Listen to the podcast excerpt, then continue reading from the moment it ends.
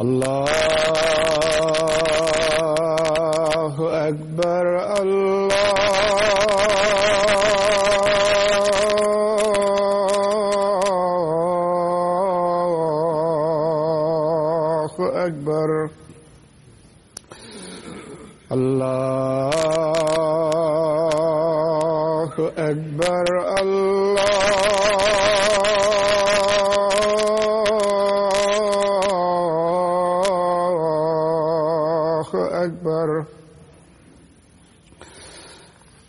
أشهد أن لا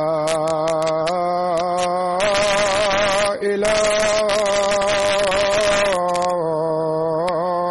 إلا الله أشهد أن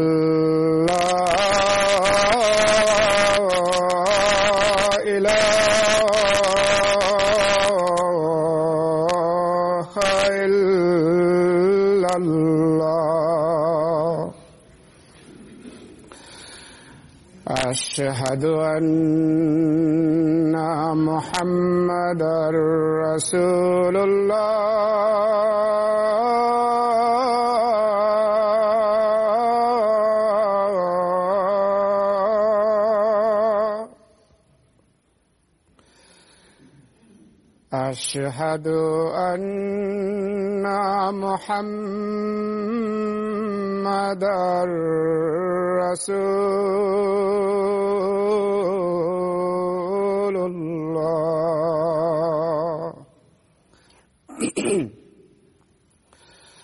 حي على السلام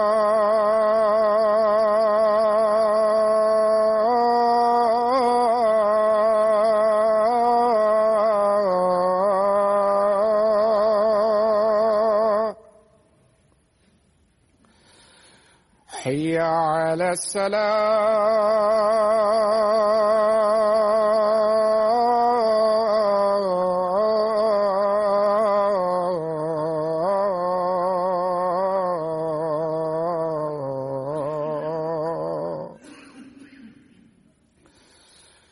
حي على الفلاح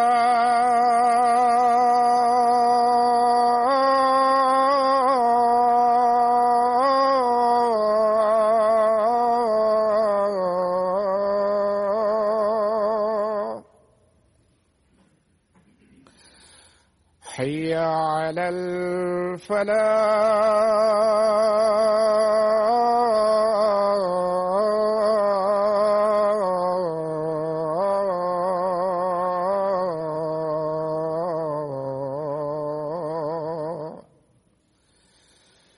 الله أكبر الله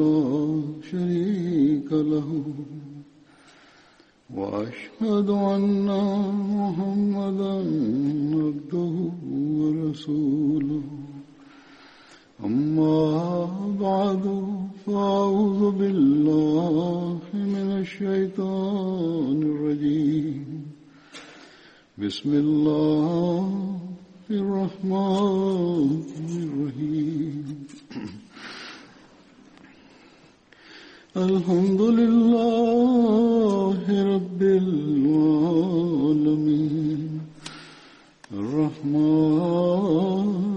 الرحيم مالك يوم الدين إياك نعبد وإياك نستعين اهدنا الصراط المستقيم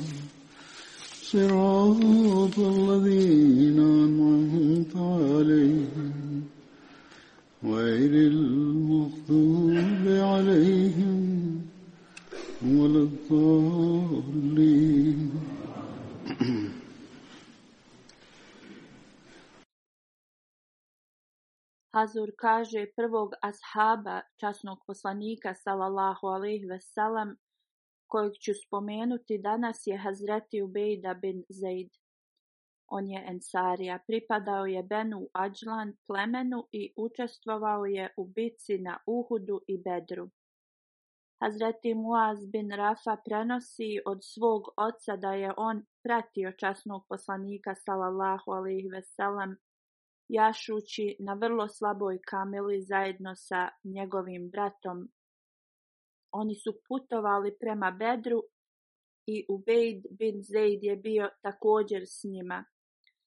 Kad su stigli do mjesta Beri koje je iza Roha, na tom mjestu je naša Kamila iznemogla i sjela je. Hazur kaže, ovaj incident sam već spomenuo ranije dok sam govorio u vezi drugog ashaba. Kako god on dalje nastavlja s detaljima, molili smo Allaha, o Allahu, dajemo ti obećanje, ako nas vratiš do Medine, zaklaćemo ovu kamelu i podijeliti njeno meso. U to vrijeme časni poslanik sallallahu alejhi ve sellem je prolazio pored njih i upitao ih je šta se događa. Oni su rekli sve što se je dogodilo. Poslanik Salalahu alejhi veselem je ostao s njima, uzeo je abdest i u vodu je stavio svoje pljuvačke. I onda je naredio njima da otvore usta od kamile tako da je nasuo te vode u njena usta i onda je protrljao tom vodom po kamilinom vratu, ramenima, grbi i po repu. Časni poslanik sallallahu alejhi ve sellem je molio o Allahu, molim te da Rafi i Halad jašu ovu kamelu i da stignu do svoje destinacije. Onda je časni poslanik sallallahu alejhi ve sellem otišao. On kaže: "Mi smo krenuli i stigli smo časnog poslanika kod Masnal i naša kamila je išla ispred karavana. Kad nas je časni poslanik sallallahu ve veselem vidio, nasmijao se. Nastavili smo put do bedra i kad smo se vraćali iz bedra, kad smo stigli do mjesta Masala, Kamila je opet sjela. Moj brat je zaklao tu kamelu i dali smo njeno meso kao sadaku. I Hazreti Ubejd bin Zeid je bio s nama u toku ovog putovanja. Hazreti Zahir bin Haram el Ašđaji je ashab koji je učestvovao u bici na Bedru. On je ashab koji je pripadao Ašđa plemenu. Učestvovao je u bici na Bedru uz časnog poslanika salallahu alih veselam. Hazreti Anas bin Malik prenosi među onima koji su živjeli na selu bio je čovjek koji se zvao Zahir. On je donosio poklone iz njegovog sela časnom poslaniku sallallahu alihi veselam. Kad se god vraćao kući časni poslanik sallallahu alihi veselam mu je davao također puno poklona prije nego što bi ga ispratio. I poslanik sallallahu alejhi ve sellem je govorio Zahir je naš prijatelj iz pustinje, a mi smo njegovi prijatelji iz grada. Časni poslanik sallallahu alejhi ve sellem je mnogo volio Hazreti Zahira. Hazreti Zahir je čovjek koji je bio srednjeg izgleda i jednom dok je Hazreti Zahir prodavao svoju robu na pijaci, časni poslanik sallallahu alejhi ve sellem mu je prišao s leđa i zagrlio ga je. Hazur kaže također u jednom hadisu je spomenuto da je časni poslanik sallallahu alejhi ve prišao s leđa i pokrio njegove oči svojim rukama, tako da je Hazreti Zahir nije mogao da vidi časnog poslanika sallallahu alaihi ve onda je Hazret Zahiru pitao ko je i da ga ostavi na miru. Kako god kad se okrenuo i, pripazio da je to bio časni poslanik, sallallahu alaihi ve kad je vidio ko je to je bio, on je tad shvatio da je to bio poslanik, sallallahu alaihi ve Tad je počeo da trlja svoja leđa od poslanikova salallahu ve prsa. Časni poslanik salallahu alihi veselem šaleći se rekao je ja imam roba, ko će da ga kupi? Hazreti Zahir je rekao, o Allahov poslaniče salallahu ve nećeš zaraditi na meni, ko bi mene kupio? Časni poslanik, salallahu ve veselam mu je odgovorio, u Allahovim očima ti si vrlo cijenjen. Hazur onda govori, Hazreti Muslim Maud Allahu anhu je spomenuo ovaj događaj jedne prilike kad je govorio o pažnji časnog poslanika sallallahu alaihi veselam on piše, jednom kad je časni poslanik salallahu alih veselam išao na pijacu i vidio je jednog svoga shaba koji je nosio teret na leđima. Bilo je vrlo vruće vrijeme i od ovog teškog posla njegovo tijelo je bilo prekriveno znojem i prašinom. Časni poslanik salallahu alih veselam je tiho prišao njemu i prekrija mu je oči svojim rukama, kao kad se djeca igraju i pitaju da pogodi neko ko je to. Ovako je poslanik salallahu alaihi veselem tiho to uradio i nije govorio. Kad je ovaj ashab dotakao nježne ruke poslanika salallahu alaihi veselem, shvatio je da je to bio poslanik salallahu alaihi veselem i od prevelike sreće je počeo da trlja svoje oznojeno tijelo o poslanikovu salallahu alih veselem odjeću. Poslanik salallahu alihi veselem se smijao i rekao je, imam roba, ko će da ga kupi? Tad je ovaj ashab rekao, o Allahov poslaniće, ko bi mene želio da kupi? Časni poslanik, salallahu alaihi veselam, mu je rekao, ne govori tako, jer u Allahovim očima ti si vrlo vrijedan. Zato ovi ljudi imaju lekciju da nauče iz ovog primjera u vezi ljubavi koju je časni poslanik sallallahu alejhi ve sellem pružao svima. Časni poslanik sallallahu alejhi ve sellem jednom je rekao: Svaka osoba iz grada ima neku vezu s osobom sa sela, a osoba sa kojom porodica poslanika sallallahu ve veselem ima vezuje Zahir bin Haram. Hazreti Zahir bin Haram se je preselio u Kufu poslije.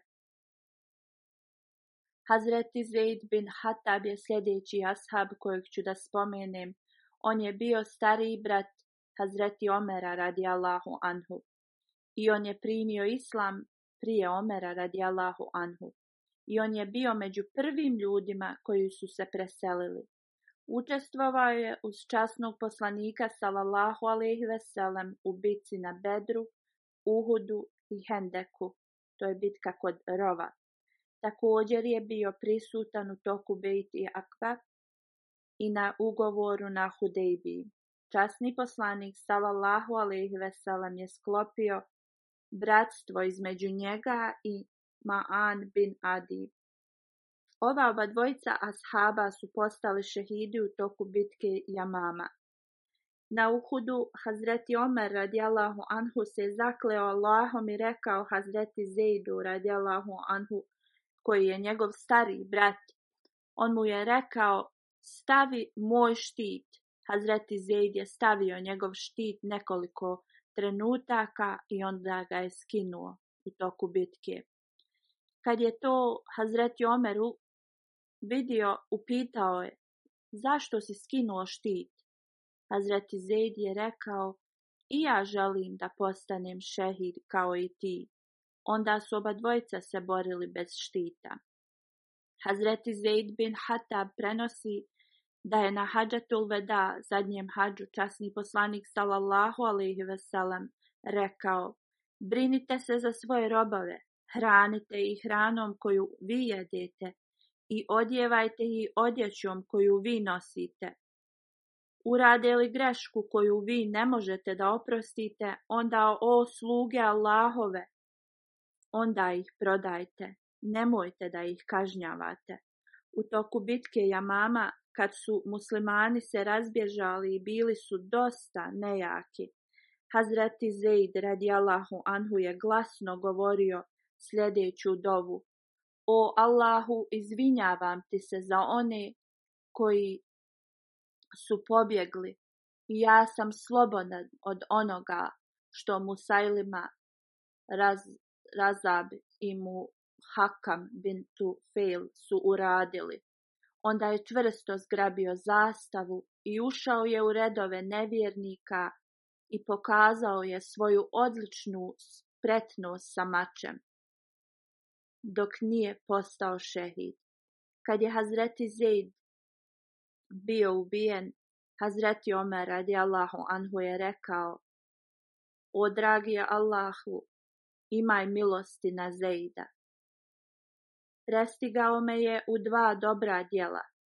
On je primio islam prije mene i postao je šehid prije mene. U hadisu se prenosi da je Hazreti Omer radijalahu anhu čuo mu min bin Nuveira, da je čitao neku pjesmu u vezi svog brata Malika bin Nuveira. Na ovo je Hazreti Omer radijalahu anhu rekao da ja mogu napisati riječi tako dobre u vezi mog brata, napisao bi slične tvojim riječima.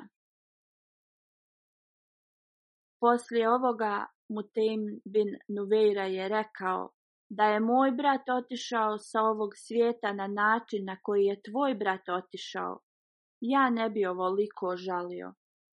Hazreti Omer radijalahu anhu mu je rekao, do danas me niko nije utješio na način na koji si ti to uradio. Hazur kaže još jedan detaljniji hadis u vezi ovog možemo naći Hazreti Omer radijallahu anhu je rekao Hazreti Mutaminu bin Nuveira, koliko si ti tužan radi smrti svog brata, on je pokazao na jedno svoje oko i rekao je, ovo oko je izgubilo vid radi moje tuge, plakao sam previše i ovo slabo oko je počelo da plače također. Hazreti Omer radijallahu anhu je rekao, ovo je velika tuga i ne vjerujem da sam ikad vidio ikoga da ovoliko žali za izgubljenom osobom. I onda je Hazreti Omer radijallahu anhu rekao, neka Allah podari svoju milost na Zejda bin Hataba, da sam sposoban da pišem ovakve riječi, ja bi uistinu plakao za Hazreti Zejdom kao i ti za svojim bratom i napisao ovakve riječi. Hazreti Mutamin je rekao o emirul mu'minin da je moj brat bio ubijen u toku bitke na Jamami na isti način na koji je tvoj brat bio. Ja nikad ne bi plakao za njim. Ove riječi su dotakle srce Hazreti Omera radijallahu anhu. Bio je siguran u vezi svog brata. Hazreti Omer radijallahu anhu je bio puno ožalošćen gubitkom svog brata. Govorio je kad jutarnji vjetar piri donosi Zejdov miris. Jedan od partnera od Musejlima, Rađal bin Unfulah, njega je ubio Hazreti Zejd bin Hatab. U jednom hadisu Rađal bin Unfafa je također spomenut kao Nahar. Ovo je osoba koja je prihvatila islam i preselio se i također je bio kari, osoba koja zna da uči Kur'an prema pravilima. Ali na kraju se pridružio Musajlimu. Zbog ovoga uvijek moramo da se molimo da naš kraj bude na ispravnom putu. U svakom slučaju je rekao, čuo sam da te je časni poslanik sallallahu alejhi ve sellem uključio u njegovo poslanstvo, ovo je bilo veliko iskušenje za Benu Huneifa i Ebu Hureira radijallahu anhu prenosi da je sjedio u društvu časnog poslanika sallallahu alejhi ve sellem i s nekom delegacijom i Rađal bin Uvafa je bio sa njima. Časni poslanik sallallahu alejhi ve je tad rekao da osoba među njima sjedi i njegov moralni zub će biti u vatri veličine planine Uhuda, što znači on će odvesti dosta ljudi na stramputicu. Hazreti Ebu Hureyra radijallahu anhu prenosi da je poslije jedino Rađal i ja smo ostali živi. I uvijek mi je ovo bilo na umu, dok Rađal bin Unwafa se nije pridružio Musajlimu i posvjedočio njegovo poslanstvo. Rađal bin Unwafa je bio ubijen u bici mama i njega je ubio Hazreti Zaid bin Hatab radijallahu anhu. Hazreti Zejda bin Hataba je ubio Hazreti Ebu Merijem bin Hanefi i kad je Hazreti Merijem primio islam, Hazreti Omer radijalahu anhu ga je upitao Jesi li ti ubio Hazreti Zejda bin Hataba? On je odgovorio Hazreti Omeru radijalahu anhu O emirul mu'mini, vođo vjernika, uzvišeni Allah je podario specijalni status Hazreti Zejdu preko mene. I Allah me nije osramotio i uništio od njega. Hazreti Omer radijalahu anhu je upitao Hazreti Merijama radijalahu anhu Prema tvom mišljenju, koliko nevjernika je poginulo u bici mama od muslimana? Ebu Merijem je rekao 1400, možda i više. Hazreti Omer radijalahu anhu je rekao koliko je jadno stanje od onih koji su ubijeni. Hazreti Merijem je rekao sva hvala pripada Allahu koji, me, koji mi je omogućio da se pridružim i da budem privučen religiji koju je Allah izabrao za njegovog poslanika sallallahu ve sellem i za muslimane. Hazreti Omer radijallahu anhu je bio vrlo zadovoljan njegovim odgovorom i poslije Ebu Merijem je postavljen kao kazi, to jeste sudija u Basri. Hazur kaže detalje od sljedećem ashabu su, su u vezi Hazreti u Baba bin Hašhaš. Vakti je zabilježio njegovo ime kao Abda bin Asas, gdje je Ibni Manda zabilježio njegovo ime kao Ubada bin Hašhaš Amri. U svakom slučaju bio je iz Bali plemena i bio je rođak sa očeve i majkinje strane Hazreti Muđeziru bin Zijad. Njegovo pleme je bilo pod ugovorom sa Benu Salama i Hazreti Ubejda je prisustvovao na bici, u bici na Bedru gdje je zarobio Kajsa bin Saiba. Ubijen je u bici na Uhudu i ukopat je u isti mezar sa Hazreti Numad bin Malik i Hazreti Muđezir bin Zaid. Sljedeći ashab kojeg ću da spomenem, Hazur kaže, je Hazreti Abdullah bin Džab. Njegov otac se zvao Džab bin Kejs. Njegova titula je bila Ebu Vahab i bio je iz Benu salma Ovo je ensarinsko pleme Hazreti Muaz bin Džabel je bio njegov rođak s majkine strane, on je učestvovao u bici na Bedru i Uhudu. U bici na Tabuku časni poslanik sallallahu alejhi ve sellem je rekao Ebu Vehabu, ocu od Abdullaha bin Džad. Ebu Vehab, zar nam se nećeš pridružiti u borbi ove godine? Ebu Vehab je odgovorio, Molim te, izvini mi, ali nemoj mene uključivati ni u kakve nemire.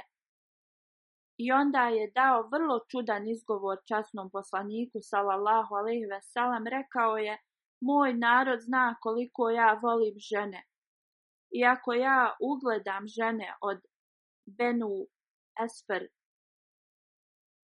tog naroda protiv kojeg su se oni trebali boriti, ja neću moći da se kontrolišem. Časni poslanik sallallahu alejhi ve se okrenuo i otišao je od njega. Drugim riječima, kad je već izmišljao izgovore, najbolje je bilo da ga ostavi i prihvati njegov izgovor. Abdullah bin Džed u anhu kad je saznao u vezi ovoga je pitao svog oca zašto si odbio naređenje časnog poslanika sallallahu ve wasallam kunem se Allahom ti si najbogatiji iz Benu Selma plemena i danas si odbio priliku da učestvuješ u borbi. Niti si pristao da ideš u borbu, niti si pristao da pomogneš sredstvima za borbu. Njegov otac je dao još jedan izgovor, rekao je, moj sine, kako ja da na ovoj vrućini idem prema Benu Esfel. Kunem se Bogom čak i u furbi kući u Benu Selma, ja se bojim njih. On se je bojao Rimljana i bio je kukavica, kako god onda rekao je da ja idem u borbu protiv njih. Moj sine, ja potpuno razumijem vremena i promjene i znam da se situacija mijenja iz dana u dan. Kad je ovo čuo, Hazreti Abdullah je bio vrlo ljut i odgovorio je svom ocu. Kunem se Allahom, u tebi je licemjerstvo. Siguran sam da će uzvišeni Allah objaviti časnom poslaniku salallahu alaihi veselem u časnom Koranu u vezi tebe, tako da svi mogu da čitaju. Drugim riječima da će Allah pokazati njegovo licemjerstvo. Kad je ovo čuo, otac Hazreti Abdullaha radijalahu anhu je skinuo cipelu i gađao ga je u njegovo lice. Hazreti Abdullah je otišao odatle i nije odgovorio svom ocu. Također je zapisano na drugom mjestu u vezi vjerstva od oca Hazreti Abdullaha u toku Hudejbija ugovora kad su ljudi uzimali bejat zakljet od časnog poslanika sallallahu ve sellem Džab bin Kejs nije uzeo bejat, iako je bio prisutan. Rečeno je da se on poslije pokajao i preminuo je u toku hilafeta Hazreti Osmana radi Allahu Anhu. Hazur kaže, Hazreti Haris bin Aus bin Mauz je sljedeći ashab kojeg ću spomenuti. Sad bin Mauz je bio njegov ameđa koji je bio poglavica plemena Benu Aus. Učestvovao je u bici na Bedru, Uhudu i spomenuto je da je postao šehid u 28. godini života. Drugi hadis nam govori da nije bio ubijen na Uhudu. Hazreti Ajša radijalahu anha prenosi, poslije bitke na Uhudu pratila sam ljude i čula sam da neko korača iza mene. Okrenula sam se i vidjela Hazreti Sada bin Mauza sa njegovim bratićem Harisom bin Aus koji je nosio njegov štit. Ovaj hadis nam govori da je bio živ poslije bitke na Uhudu.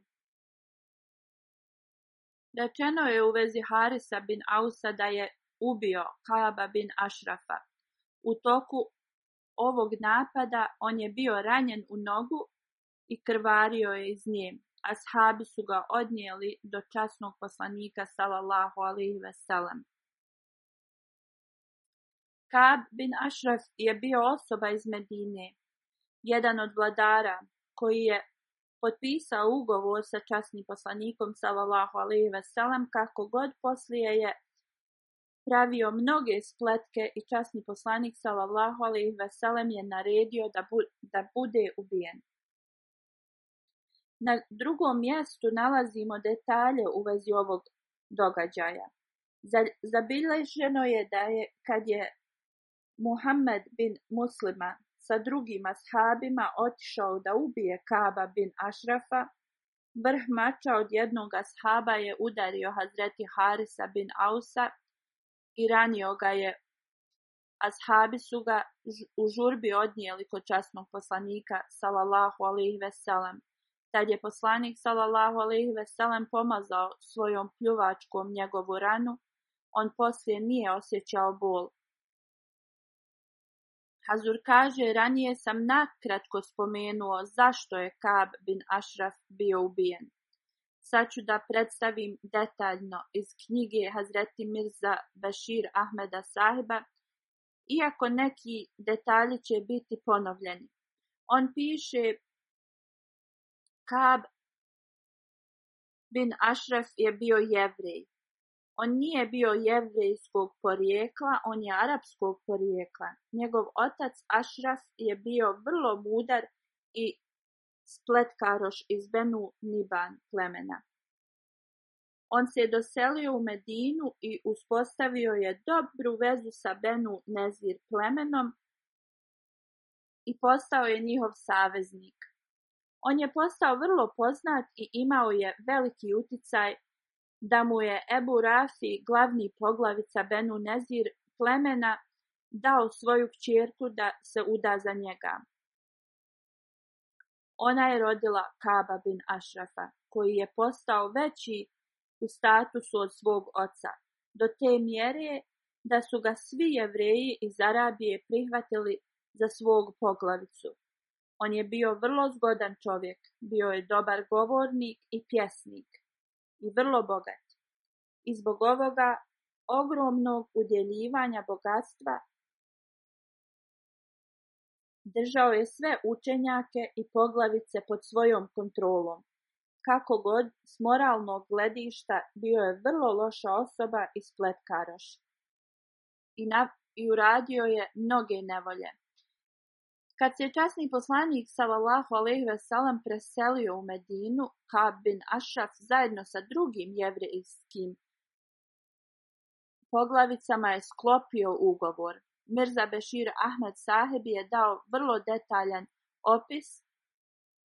Hazur kaže, ja ću da skratim detalje.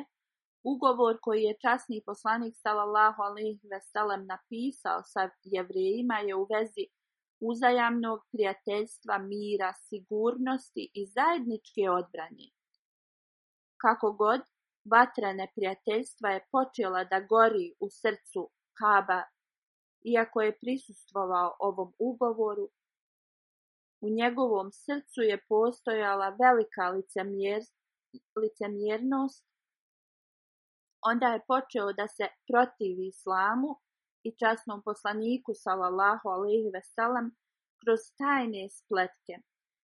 Zapisano je da je Kab davao ogromnu sumu blaga jevrejskim učenjacima i poglavicama kako poslije Hidže časni poslanik alejhi ve sellem kad su ovi ljudi došli da uzmu godišnja primanja i dok su razgovarali o časnom poslaniku alejhi ve sellem on ih je pitao koje je njihovo mišljenje o časnom poslaniku sallallahu alejhi ve prema religijskim knjigama.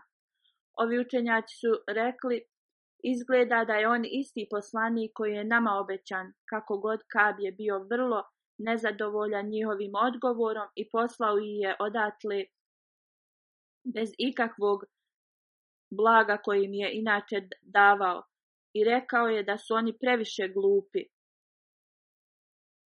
Kad je imovina ovih učenjaka bila potrošena, oni su došli ponovo Kabu i rekli su mi smo protumačili znakove pogrešno o Muhamedu sallallahu alaihi veselem. On nije taj poslanik koji je nama obećan. On je bio vrlo zadovoljan i dao im je njihovu godišnju nagradu. Hazreti Mirza Bashir Ahmad sahib je vrlo ispravno napisao, ovo je bila religijska opozicija iako je pokazana na vrlo loš način, ali niko nije imao pravo da kazni ove ljude zato što su odbili da vjeruju u istinitost poslanika. Niti bi Kab mogao da bude kažnjen radi ovoga.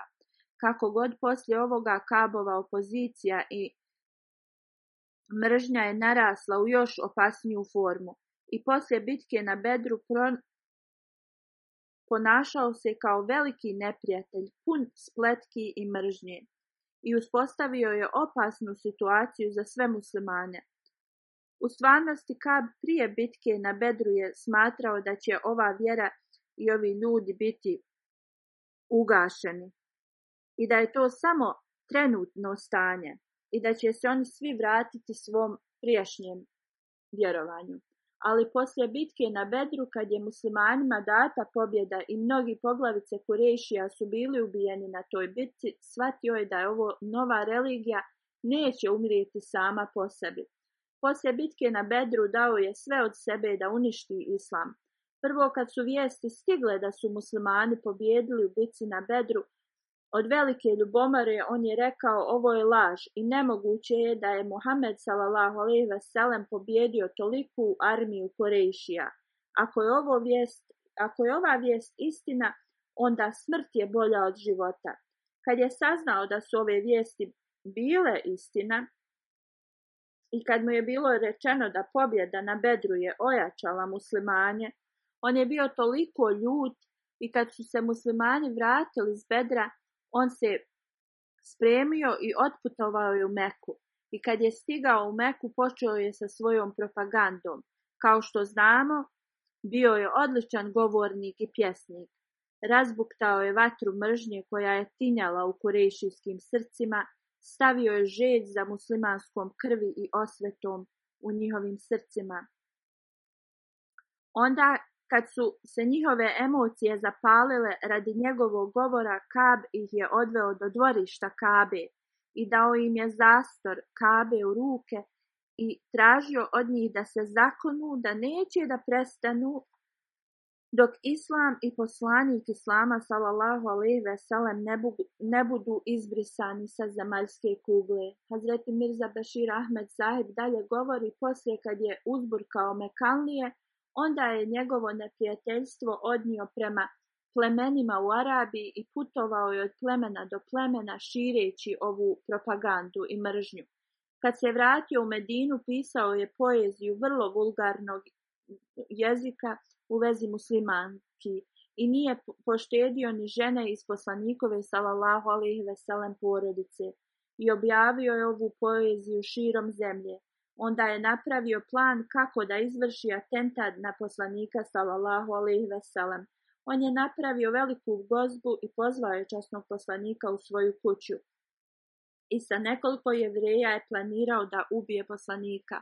Ali hvala Allahu informacije su dostigle i njegov plan je propao. Prema ugovoru koji je časni poslanik sallallahu alejhi ve sklopio sa stanovnicima Medine, Časni poslanik sallallahu ve veselem je bio glavni za odluke prema tom ugovoru. Kad se stanje tako pogoršalo i spletke se počele praviti izdaja ugovora, časni poslanik sallallahu ve veselem je izdao nalog, nalog da Kabin Ašras prema njegovim dijelima je, je zaslužio smrtnu kaznu.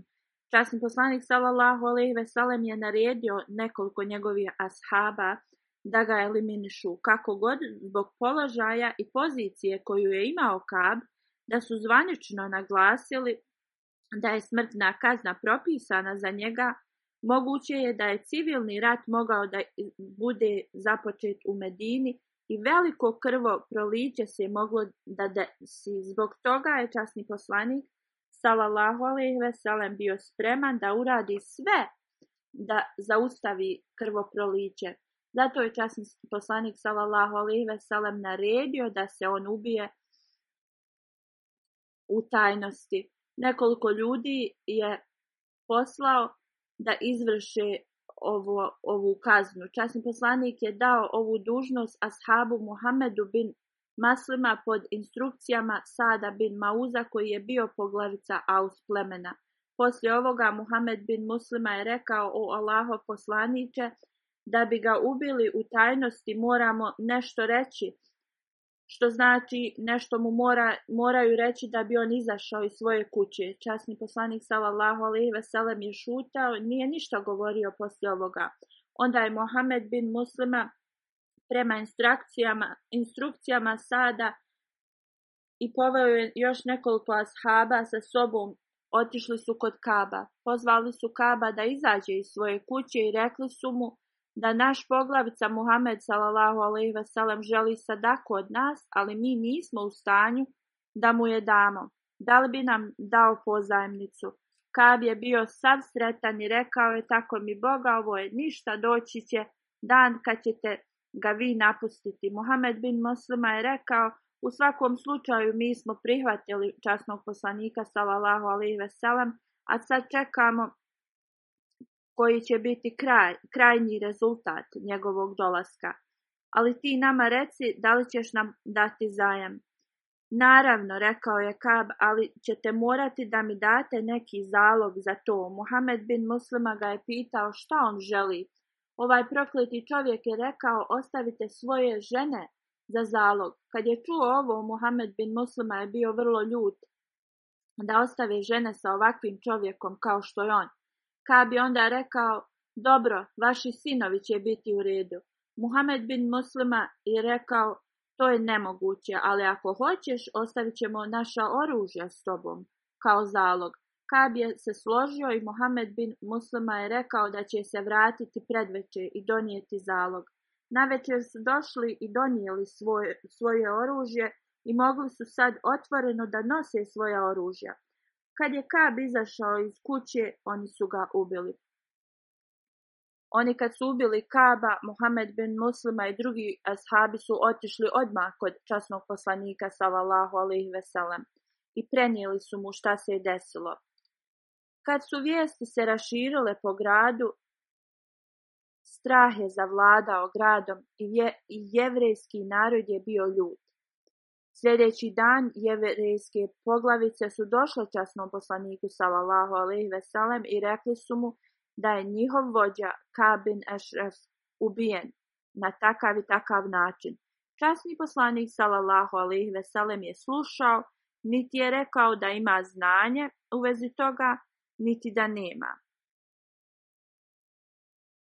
Onda ih je upitao, da li vi znate zločine koje je Kab počinio.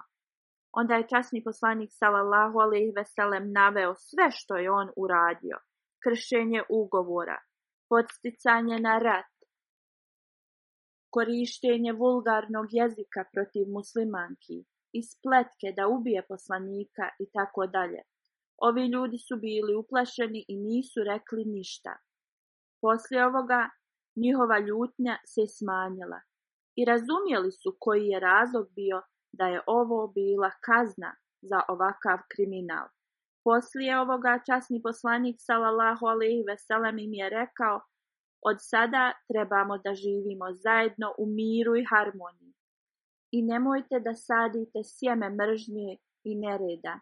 Novi ugovor je bio potpisan između jevreja i muslimana. Jevreji su se složili da žive u miru i harmoniji sa muslimanima i da se drže što dalje nereda i okrutnosti. Ovaj ugovor je bio povrijeđen Hazreti u radijalahu anhu. Nigdje u historiji nije spomenuto da su jevreji spomenuli ubistvo Kaba bin Ašrafa i da su optuživali muslimane, zbog toga što su svojim srcima znali da je Kab dobio ispravnu kaznu. Hazreti Mirza Bešir Ahmed eh, sahib dalje piše Zapadni historičari su optužili da je časni poslanik sallallahu alejhi ve sellem ubio nedužnu osobu, ali pobijajući ove optužbe on dalje piše: Ovo nije bila neprav, nepravdena odluka, jer Kabin Ašaf je uništio ugovor mira sa časnim poslanikom alejhi ve sellem, a on je i radio je sve protiv muslimana. Pogotovo on se je složio da će biti na muslimanskoj strani protiv svih drugih neprijatelja i da će imati prijateljstvo sa muslimanima. Potpisujući ugovor također je prihvatio da je časni poslanik sallallahu alejhi ve sellem glavni odlučujući poglavica u ovom u ovoj demokratskoj državi i da će odluka časnog poslanika sallallahu alejhi ve sellem biti zakonska odluka. Hazreti Mirza Bešir Ahmed Sahib dalje piše da historija nam govori da jevrejski narod radi ovog ugovora je dolazio časnom poslaniku sallallahu ve veselem i predstavljali su svoje probleme i žalbe. I časni poslanik sallallahu ve veselem je bio taj koji je donosio zadnji odgovor i sud. U ovoj situaciji kad je izdao zemlju i muslimane i izdao je vladu tog vremena, on je započinjao nerede u Medini i htjeo je da započne rat i nahuškavao je arapska plemena protiv muslimana, objavio je vulgarne pjesme protiv muslimanki i planirao je da izvrši atentat na časnim poslanikom sallallahu alaihi veselem. Ovo je sve radio kad su muslimani već bili okruženi s mnogim poteškoćama sa svake strane. U ovakvoj situaciji njegova djela su učinila njegovu presudu. I na današnjici kad osoba uradi ovakva djela, zar ovakvoj osobi nije data smrtna kazna? Kako onda neko može optužiti da mu je nepravda bila učinjena? Druga optužba je bila zašto je ubijen u toku noći. U vezi ovoga Hazreti Mirza Bešir Ahmed Sahib piše Trebate da budete svjesni da u to vrijeme nije postojao jedan sud za sve ljude. Iako su izglasali vođu, svako pleme je bilo nezavisno. Dolazili su časno poslaniku za odluke koje su bile za sve ljude, ali su bili slobodni da rade i odlučuju u svojim plemenima. U ovakvoj državi koji zakon su trebali da koriste da kap dobije svoju kaznu? da su se žalili jevrejima kojima je on bio glavni vođa i koji su prekršili prava ugovora protiv muslimana. Ovo je bilo nemoguće ili da su tražili pravdu od drugih plemena koja su htjela da napadnu Medinu dva, tri puta u zadnja tri mjeseca. Ovo su bila njihova plemena i ne bi mogli da dobiju pravdu. Hazreti Mirza Bešir Ahmed Sahib kaže, razmislite o Arabiji u to vrijeme i onda donesite sud u vezi ovoga. Kad osoba radi što je Kab radio i kad je sigurno svih ljudi u opasnosti i, i države također, šta bi muslimani trebali osim da ga eliminišu i zadrže sigurnost i mir svih ljudi, Veća je korist da je ubijen jedan zločinac nego da život mnogih građana koji se drže zakona bude ugrožen i mir zemlje da je uništen. Uzvišen Allah kaže da širite nered na zemlji je gore od ubijanja. Onda radi ugovora između jevreja i muslimana kad su poslanik salallahu alaihi veselam kad je on doselio u Medinu Poslanik salallahu alaihi veselam nije bio obični građanin i on je bio glavni za Medinu, tako da je časni poslanik imao vlast da izda naređenje koje je on mislio da je u redu za sve probleme.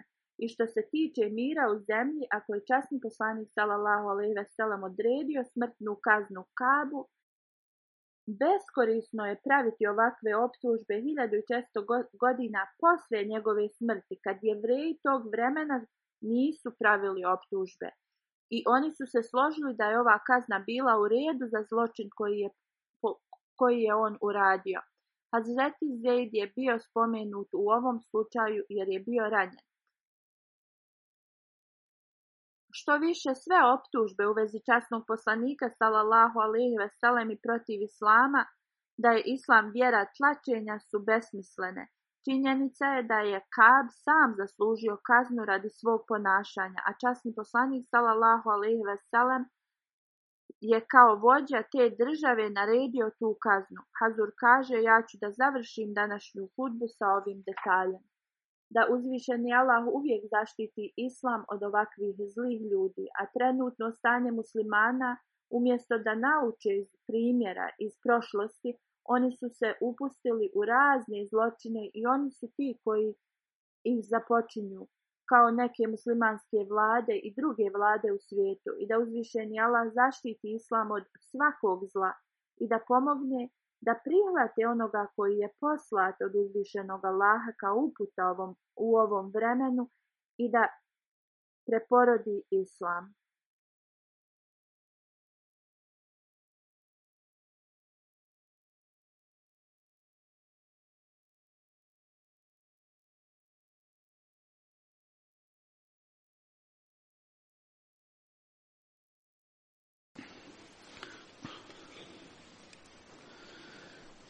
الحمد لله الحمد لله نحمده ونستعينه ونستغفره ونؤمن به ونتوكل عليه ونعوذ بالله من شرور انفسنا ومن سيئات اعمالنا من يهده الله فلا مضل له ومن يضلل فلا هادي له ونشهد أن لا إله إلا الله ونشهد أن محمدا عبده ورسوله عباد الله رحمكم الله إن الله يأمر بالعدل واللسان